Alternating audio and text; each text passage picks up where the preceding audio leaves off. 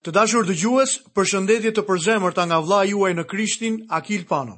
Është gëzim i veçantë për mua që të kemi privilegjin që së bashku të studiojmë fjalën e Perëndisë së gjallë. Ju kujtoj që jemi duke studiuar në librin e Levitikut dhe sot do studiojmë në kapitullin e 23 të tij. Tema e këtij kapitulli është periudha e shenjtë e Sabatit, periudha e shenjtë e Pashkës, periudha e shenjtë e bukëve të ndorme, periudha e shenjtë e frutave të para, periudha e shenjtë e rrëshajave, festa e borive, dita e shlyerjes së mëkateve dhe festa e kasolleve.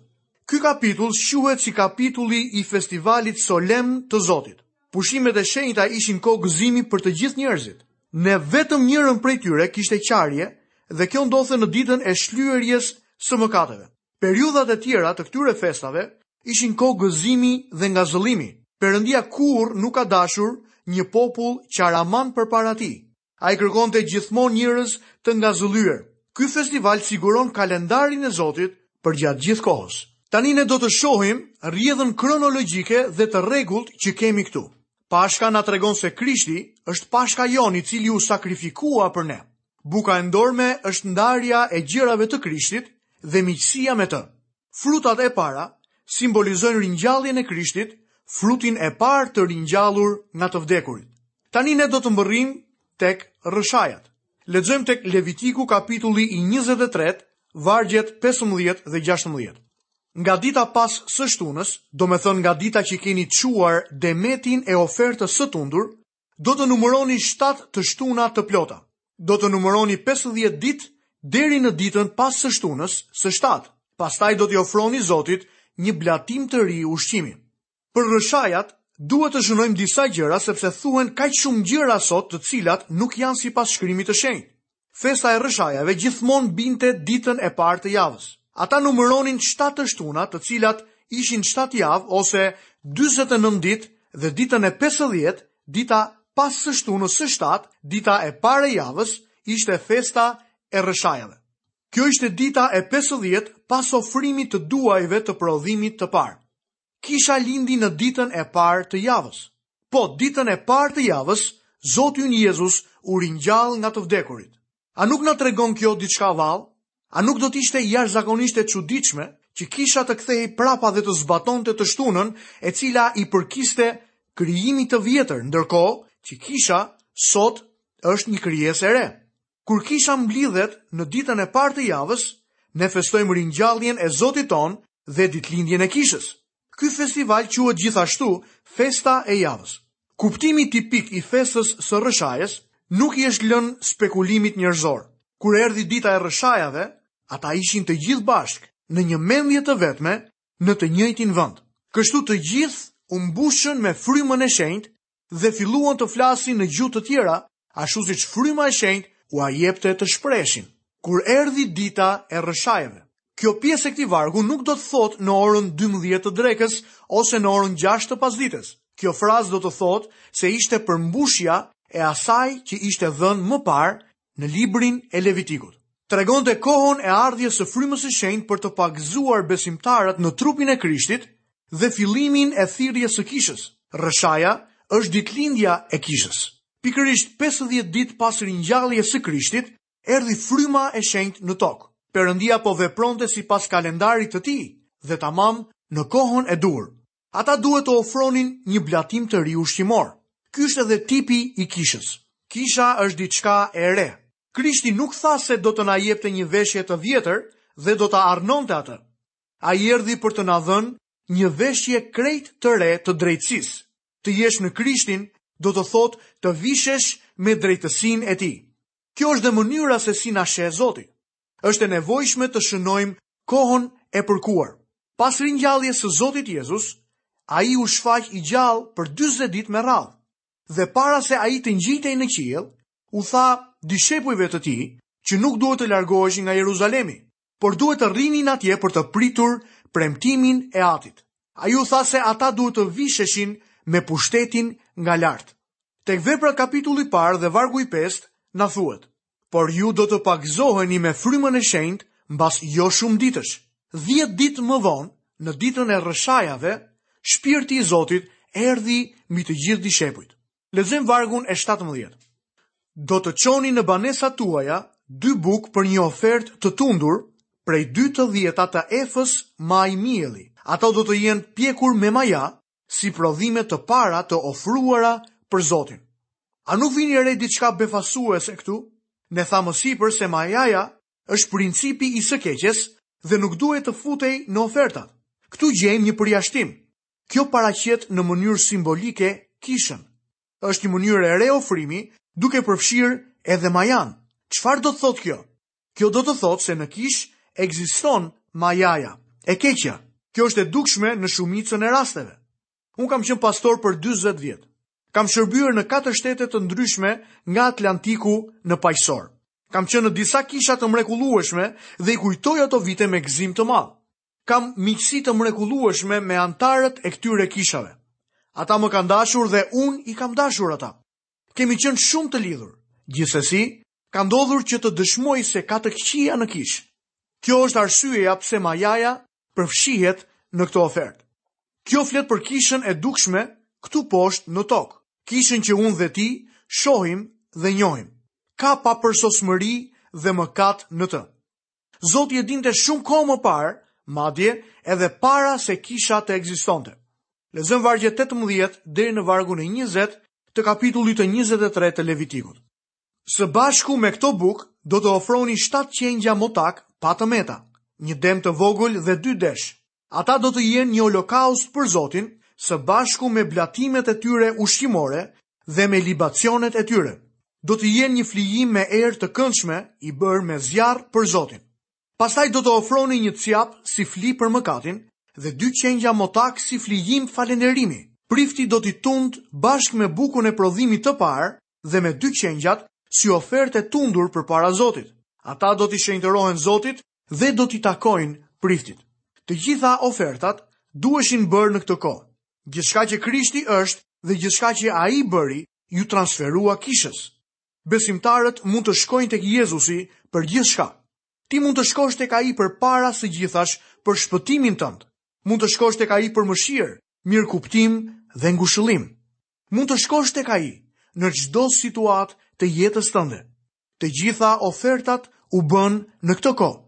A nuk është interesant fakti se si Zoti me anë të këtyre pamjeve na jep disa të vërteta të mëdha? Ai përdor shëmbëlltyrat në vend të disa termave teologjikë të ftohtë. Lexojmë poshtë në vargun e 21. Po atë ditë do të shpallni një mbledhje të shenjtë. Nuk do të bëni atë ditë asnjë punë të rëndë. Është një ligj i përjetshëm për të gjithë brezat tuaj në të gjitha vendet ku do të banoni. Atë ditë ata duhet të bënin pushim dhe të shlodheshin nga punët e tyre. Kjo është ajo çfarë unë dhe ti duhet të bëjmë kur vijmë te Krishti. Në letrën e drejtuar Titit, apostulli Paul në vargun e pestë të kapitullit të tretë na thotë: Ai na shpëtoi jo me anë të veprave të drejta që ne bëmë, por sipas mëshirës së tij, me anë të larjes së rilindjes dhe të ripërtëritjes së Frymës së Shenjtë. Rikthehemi edhe një herë në kapitullin e 23 të Levitikut për të lexuar vargun e 22. Kur do të korrni të mbjellat e tokës suaj, nuk do të korrni deri në cepat e arës sate, dhe nuk do të mblidhni kallinjtë që kanë mbetur nga pas. Do t'i lini për të varfrin dhe për të huajin. Unë jam Zoti, Perëndia juaj. Dita e shenjtë iu përshtat vendit. Në mes të festimit, ata duhet të kujtonin të varfrin dhe të huajin. Kjo është ana praktike e punës së Kishës dhe e gjithë besimtarëve sot. Ne u shpëtuam në të vërtetë me anë të hirit të Perëndisë, por duhet të përpiqemi që t'ua japim fjalën e Zotit njerëzve të tjerë dhe t'i ndihmojmë ata me çfarë të kemi mundësi. Nuk besoj se Kisha duhet të angazhohet në ndonjë shërbesë sociale, që nuk prezanton ungjillin.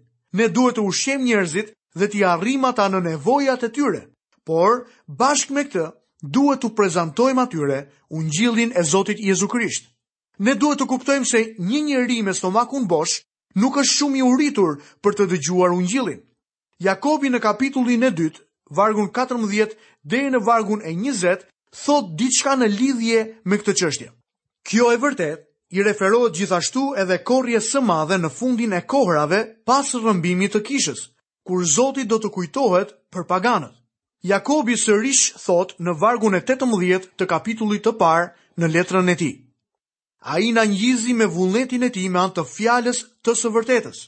që ne të jemi në një farë mënyre fryti i parë i krijesave të tij.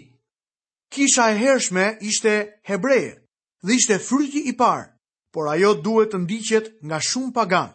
Zoti ynë na tregon për fundin e kohrave. Tek Ungjilli i Mateut kapitulli 13 vargjet 38 dhe 39 Jezusi na thotë: Ara është bota. Fara e mirë janë bijtë e mbretërisë dhe egjra janë bijtë e të ligut. dhe armiku që e ka mbjellë është djalli. Ndërsa korrja është fundi i botës dhe korrësit janë engjëjt. Ky është gjykimi i fundit të kohrave. Engjëjt nuk janë të lidhur në asnjë mënyrë me rrëmbimin. Ky është gjykimi që po vjen. Isaia në kapitullin e 42 dhe vargun e parë na thotë: Ja shërbëtori im, që unë përkrah, i zgjedhuri im, që më kënaq shpirtin. Kam vënë frymën time mbi të. Ai do t'ju sjellë drejtësinë kombeve. Le të shohim më poshtë periudhën e shenjtë të burive. Lexojmë te kapitulli 23 i Levitikut, vargjet 23 deri në vargun e 25. Zoti i foli akoma Moisiut duke i thënë: Folu bijve të Izraelit dhe u thuaj: Në muajin e 7, ditën e parë të muajit, do të bëni një pushim solemn, një kremtim festiv të njoftuar me buri, një mbledhje të shenjtë. Nuk do të bëni në atë ditë asnjë punë të rëndë dhe do t'i ofroni Zotit disa flijime të bëra me zjarr. Dita këtu është e rëndësishme. Në muajin e shtatë zhvillohen tre festa. Është një lloj muaji shtunor, ashtu siç është edhe dita e shtunë, edhe viti i shtunë. Kjo shënon fillimin e vitit civil, ndërkohë që Pashka shënon fillimin e vitit fetar. Rënia e dy borive ishte përdorur në udhëheqjen e Izraelit përmes shkretëtirës. Buritë binin shtatë herë përpara se të fillonte marshimi, ndërsa tek libri i zbulesës na jepen shtatë buri që mbulojnë kohën e mundimit të madh dhe që do të shohin Izraelin të restauruar në vend në kohën e mbretërisë.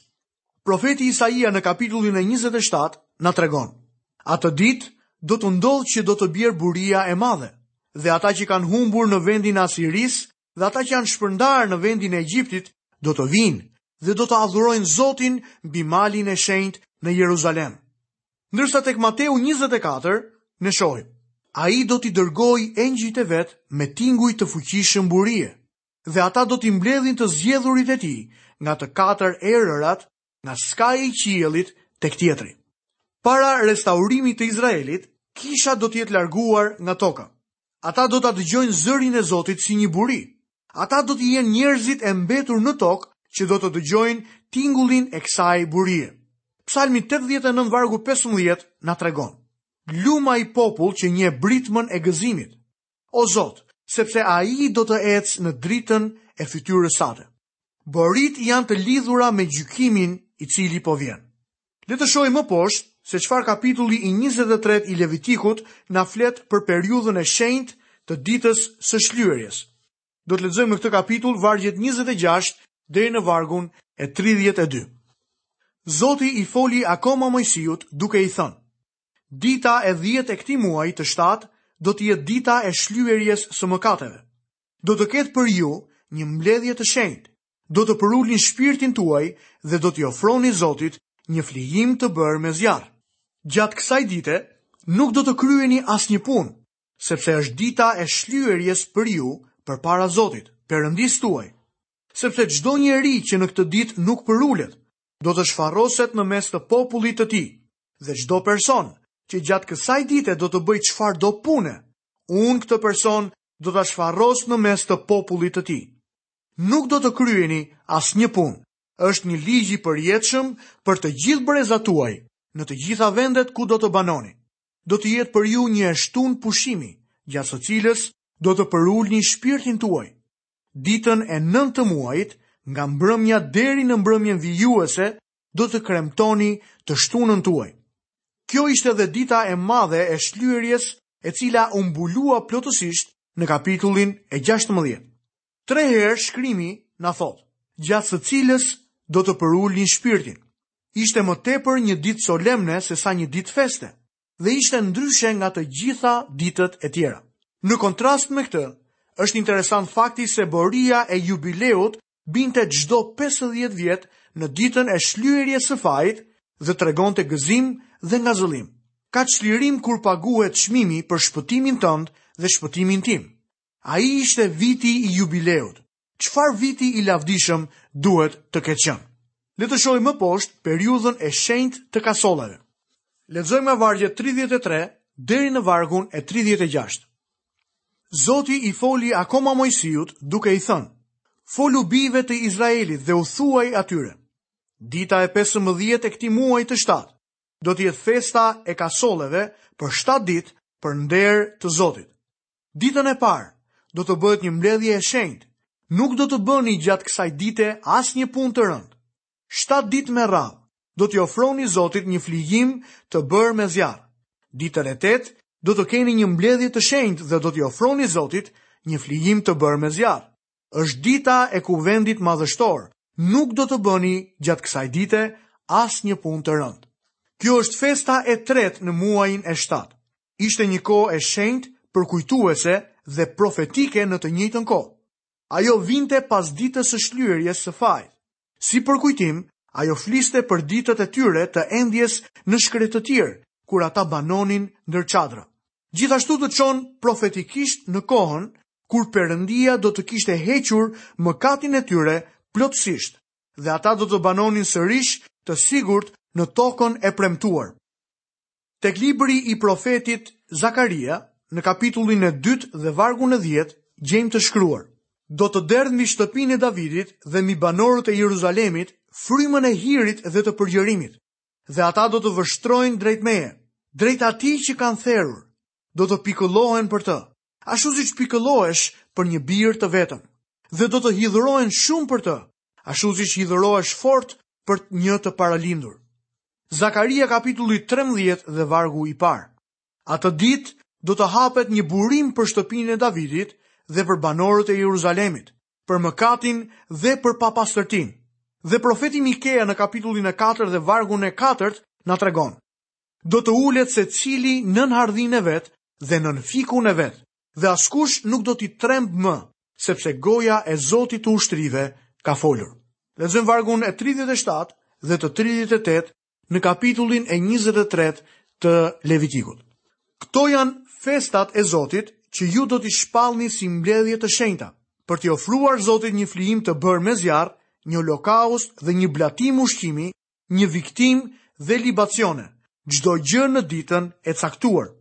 Përveç të shtunave të Zotit, përveç dhuratave dhe kushteve tuaja sipas dëshirës që do t'i paraqisni Zotit. Kjo është një shprehje speciale në ditët e festave për t'u gëzuar në atë që Zoti dëshiron për të mirën e njerëzve të Tij. Lexojmë më poshtë nga vargu 39 deri në vargun e 44. Përveç kësaj, ditën e pesëmbëdhjetë të muajit të shtatë, kur të keni vjelur prodhimet e tokës, do të kremtoni një festë për Zotin shtatë ditë me radhë. Dita e parë do të jetë një ditë pushimi dhe dita e tetë do të jetë gjithashtu një ditë pushimi. Ditën e parë do të mblidhni frutat e drurëve madhështorë, degë palme, degë me gjethe të dendura dhe shelgje përrenjsh, dhe do të gëzoheni përpara Zotit, Perëndisë tuaj, shtatë ditë me rradhë. Do ta kremtoni këtë festë për nder të Zotit shtatë ditë për çdo vit. Është një ligj i përjetshëm për të gjithë brezat tuaj. Do ta kremtoni muajin e shtatë. Do të banoni në kasolle shtatë ditë me rradhë, Të gjithë ata që kanë lindur në Izrael do të banojnë në kasolle, me qëllim që pasardhësit tuaj të dinë që unë i kam detyruar bijtë e Izraelit të banojnë në kasolle kur i nxora nga vendi i Egjiptit. Unë jam Zoti Perëndia juaj. Kështu Mojsiu u njoftoi bijve të Izraelit festat e Zotit. Pas ditës së madhe të shlyerjes, kur bëhej shlyerja e plotë e mëkateve dhe kur të korrat e frutat e vendit ishin grumbulluar, izraelitët festonin me shumë gëzim. Ata duhet të banonin në çadra për të kujtuar jo vetëm udhëtimin e tyre nëpër shkretëtirë, por edhe udhëtimin e tyre drejt së ardhmes së premtuar. Hebrenjtë në kapitullin e njëmbëdhjetë na thotë se të gjithë ata vdiqën në besim, pa i marrë premtimet e bëra, por i panë ato prej së largu. Ata u bindën dhe i përshëndetën ato me gëzim. Ata po shikonin përpara, tek ajo ditë, kur nuk do të banonin më në kasolle si në shkretëtirë, por do të ishin në epokën e mijëvjeçarit. Kjo është shpresa për këtë tokë. Kjo kohë e shenjtë do të kremtohet edhe gjatë mijëvjeçarit. Do të lexojmë tek profeti Zakaria, kapitulli 14, vargjet 16 deri 18. Dhe do të ndodhë që secili nga të mbijetuarit, nga të gjitha kombet që kanë dalë kundër Jeruzalemit, do të dalë vit për vit për të adhuruar mbretin, zotin e ushtrive, dhe për të kremtuar festën e kasolleve. Dhe do të ndodhë që në qoftë se ndonjë familje e dheut, nuk do të shkojë në Jeruzalem për të adhuruar mbretin, zotin e ushtrive, Kurrfarë shiu nuk do të bjerë mbi to. Në qoftë se familja e Egjiptit nuk do të dalë dhe nuk do të vijë, as mbi të nuk do të bjerë shi, por do të bjerë e njëjta plagë me të cilën Zoti do të godasë kombet që nuk do të dalin të kremtojnë festën e kasolleve. Do të ishte interesante të lexonit të gjithë kapitullin e katërmbëdhjetë të profetit Zakaria, Kjo festë jo vetëm që profetizon për kohën e mijëvjeçarit, por na drejton edhe tek mbretëria e përjetshme. Në librin e Zbulesës, kapitulli njëzet e një dhe vargu i tretë, ne shohim, Dhe dëgjova një zë të madh nga qielli që thoshte, Ja tabernakulli i Perëndisë me njerëzit, dhe ai do të banojë me ta, Dhe ata do të jenë populli i tij, dhe vetë Perëndia do të jetë bashkë me ta, Perëndi i tyre. Kjo është përmbushja e festës së madhe të kasolleve, për shtatë ditë gjatë muajit të shtatë, ata duhet të gëzoheshin. Kjo flet për gëzimin e plotë dhe përfundimtar të njerëzve tokësorë të Zotit. Njerëzit e tij qiellorë do të jenë me të në Jeruzalemin e Ri. Miqtë e mi, përpara nesh shtrihet një e ardhme e mrekullueshme. Të dashur dëgjues, ju kujtoj që këtu kemi mbërritur dhe në fundin e programit të sotëm. Nga vëllai juaj në Krishtin Akil Pano, paçi të gjitha bekimet e Perëndisë dhe paqen e tij në jetën tuaj. Bashkë mirudëgjofshim në emisionin e ardhshëm.